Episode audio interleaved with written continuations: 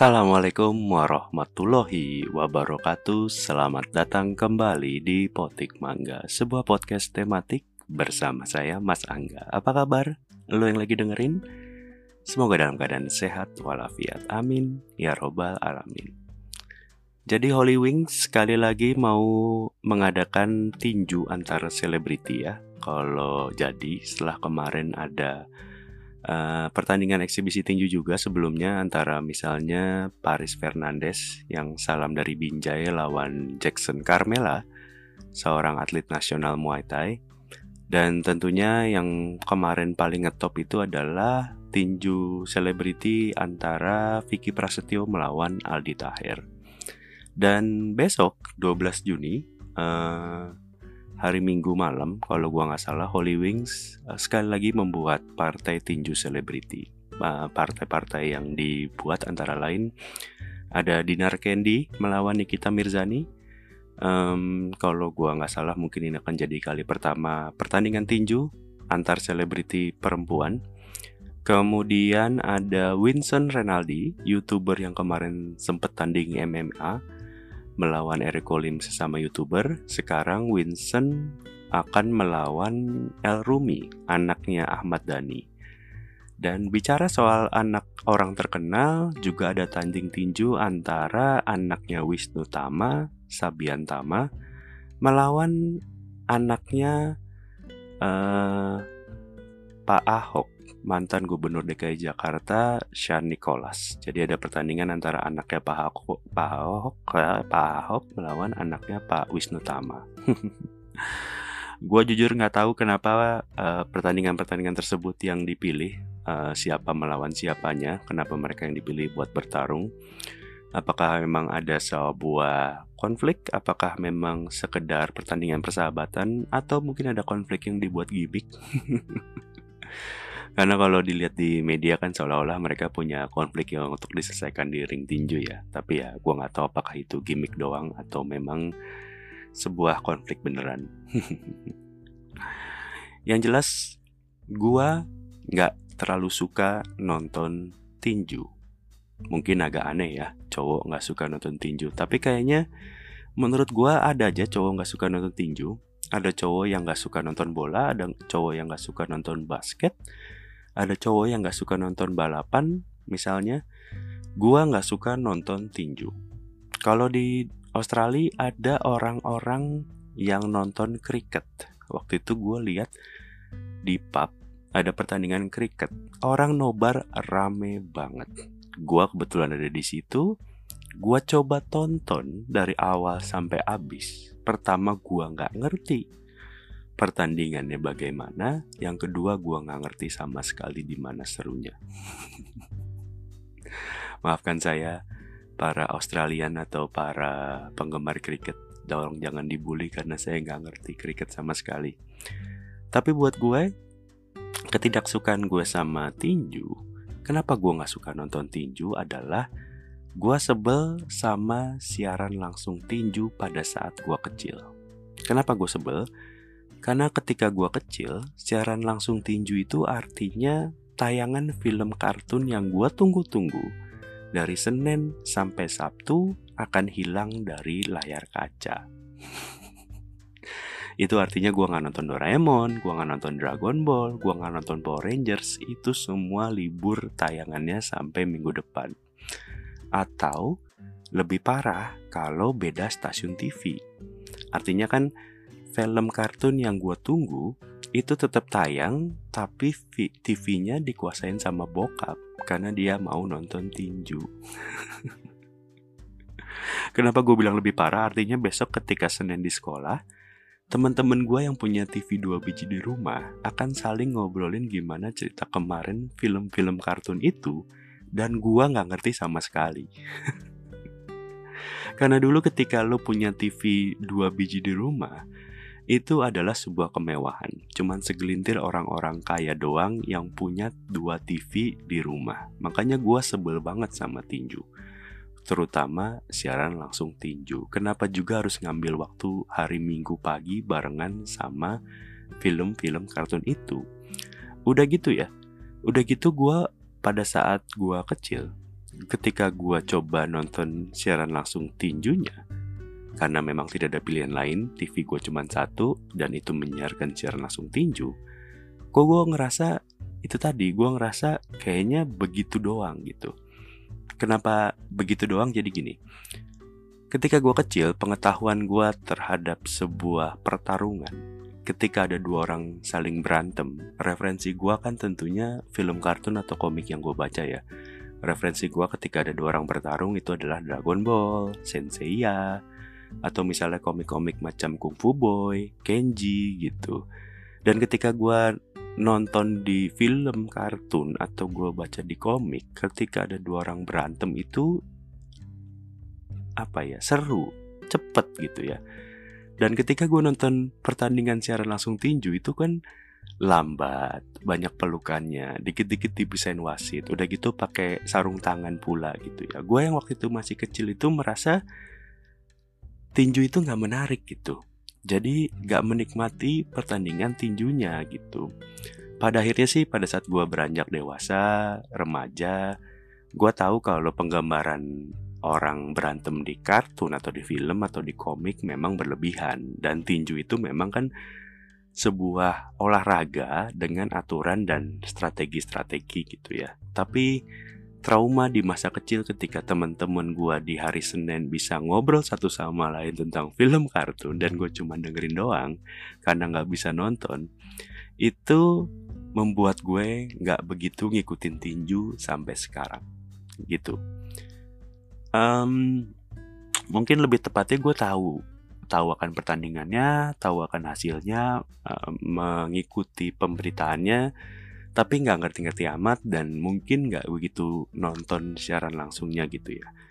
Tapi kecuali misalnya katakanlah big match gitu ya, misalnya tentunya pas gua kecil itu gua tahu kalau misalnya katakanlah uh, Mike Tyson lawan Evander Holyfield. Nah itu ya mungkin gua tonton karena memang um, kalau nggak salah yang pada saat adegan gigit kuping itu gua nonton kok live-nya. Itu kalau nggak salah pas gua SMP SMP SMP apa SD SMP kayaknya. 96 97 gue lupa lah. Apa 98 tapi pas gue gede gue nonton paling kayak misalnya apa ya um, tahu kayak misalnya uh, Oscar de la Hoya, Manny Pacquiao, Mayweather ya tapi tahu-tahu gitu doang lah. Uh, karena seringnya gue lihat highlight lah. Apalagi kalau misalnya sekarang udah ada sosmed kan kita bisa highlight uh, olahraga bisa kita lihat dari sosmed ya. Tinju-tinju itu yang gue tonton cuman pengen tahu doang how's the fight kalau misalnya kau kaunya gimana gitu ya. Paling mungkin yang sering gue tonton uh, kayak misalnya petinju Indonesia Chris John. Uh, pada saat Chris John berjaya itu kan apa ya hype-nya tuh luar biasa ya. Satu Indonesia nonton Chris John gitu karena Chris John itu adalah pemegang juara kelas bulu paling lama nomor 2 sepanjang sejarah kalau gue nggak salah dia itu 10 tahun jadi juara kelas bulu. Kalau nggak salah 52 kali tinju, sekali kalah. Kalau nggak salah kayak gitulah. Sekali kalahnya pun itu di pertandingan terakhir ya. Dia kalah, gelar juara lepas, dan abis itu pensiun. Kalau nggak salah waktu itu live di RCTI. Apa Indosiar? RCTI kalau nggak salah. Tapi ya kalau tinju secara umum atau atau tinju Indonesia, gua nggak nggak begitu paham lah kurang lebihnya kayak gitu. Jadi memang gua bukan penonton tinju nggak paham tinju dan gua bukan pangsa pasar tinju. Jadi ya apa ya um, gua bukan target marketnya tinju lah. Bisa dibilang kayak gitu. Tapi gue adalah salah satu dari 2 juta 400 ribuan akun YouTube yang nonton live tinju di channel YouTube-nya Deddy Corbuzier pada saat uh, Kamis 31 Maret 2022. Di hari itu channel Deddy Corbuzier tidak menayangkan live podcast tapi ada exhibition tinju antara Vicky Prastio melawan Aska Corbuzier anaknya. Sebuah pertarungan antara anak melawan bapak tiri yang dibikin sama bapak kandung. Kurang lebihnya kayak gitu ya. itu barusan kalimat aja udah bikin sebuah gimmick entertainment yang bagus banget sih. Tapi gue yakin sebagian besar dari 2,4 jutaan orang yang nonton itu kayaknya memang pengen lihat Vicky Prastio digebukin sama Aska. Gila ya Aska ya. Baru 15 tahun, 16 tahun gitu ya. Badannya udah kayak gitu, ngeri banget ya. Pertandingan sendiri cuma dua ronde karena pada saat break mau ronde ketiga, Vicky nggak dikasih izin sama dokter pertandingan untuk lanjut. Alhasil Aska yang menang. Kalau diterusin sih kayaknya kita beneran bisa lihat Vicky tergeletak di ring kayaknya ya. Meninggal juga bisa tuh kayaknya kalau dibikin sampai 12 ronde. Gue pernah ngomong ini di episode NBL Star di mana gue ngambil referensi tenis meja. Uh, orang Indonesia mungkin nggak pernah nonton game pingpong yang atlet beneran. Tapi ketika game pingpong antara Abdel dan Desta, kenapa mereka mau nonton? Waktu itu gue bilang ya karena kita pengen nonton Abdel melawan Desta. Dan itu juga yang dilakukan sama Deddy Corbusier sebelum live tinju kemarin gitu ya. Pada saat dia bikin live tanding catur antara Dewa Kipas melawan Grandmaster Irene. Kita mana pernah nonton catur pemain profesional live gitu. Tapi kemarin catur antara Grandmaster Irene lawan bapak-bapak komplek. Dewa Kipas itu bisa sampai jutaan yang nonton. Karena menurut gue ini adalah sebuah fenomena yang mungkin bikin atlet beneran sebel, terutama atlet dari olahraga yang kurang terkenal ya gue nggak tahu apakah misalnya kemarin Chris John pada saat jaya-jayanya ketika tarung tinju itu yang ditonton berapa orang? 2,5 juta kah atau lebih gitu? Atau pernah nggak ada sebuah pertandingan catur dua pecatur Indonesia Grandmaster lawan Grandmaster lain ditonton sampai satu setengah juta orang? Kok bisa Grandmaster lawan bapak-bapak komplek bisa 2 jutaan gitu ya? Atau kok bisa anak melawan bapak tiri tarung tinju bisa dua setengah juta yang nonton? Ya karena pertama ini adalah dunia hiburan. Jadi mau tinju mau catur mau pingpong itu semua adalah medium gitu. Dan YouTube adalah platform yang tepat gitu. Gua sih pertama gua sangat mengapresiat gimana sebuah pertandingan ya. Di Desta melawan Abdel, Airin lawan Dewa Kipas atau uh, Aska kemarin lawan Vicky itu semua serius. Dan gue cukup yakin tanpa settingan sama sekali. Artinya memang meskipun mereka adalah pelaku dunia hiburan, para pelaku ini mencoba sedekat mungkin dengan kompetisi yang sebenarnya. Kenapa begitu? Karena menurut gue apresiasi paling tinggi gue terhadap mereka para pelaku hiburan itu Desta, Abdel, Aska, Vicky, nah, Airin, Dewa Kipas gitu ya Para pelaku dunia hiburannya itu sangat menghargai dunia olahraga profesionalismenya gitu. Tapi itu tadi, tinju, catur, pingpong atau apa pun itu memang cuman medium. Jadi kalau besok-besok misalnya antara dua grandmaster atau dua pemain pingpong profesional atau dua petinju profesional, ya belum tentu yang nonton sebanyak itu. Bahkan gua nggak yakin mendekati sejuta gitu ya. Jadi misalnya katakanlah uh, menyimpulkan bahwa dunia catur, dunia tinju, atau dunia pingpong di Indonesia bangkit karena pertandingan live tadi, menurut gue kesimpulan yang terburu-buru karena belum tentu. Karena momentumnya sudah ada, tapi bagaimana dunia tinju, dunia catur, dan dunia pingpong bisa memanfaatkan momentumnya. Karena mau medium apa pun, katakanlah Aska lawan Vicky kemarin bukan tinju tapi main congklak atau main gundu, tarung karate, tarung gambaran.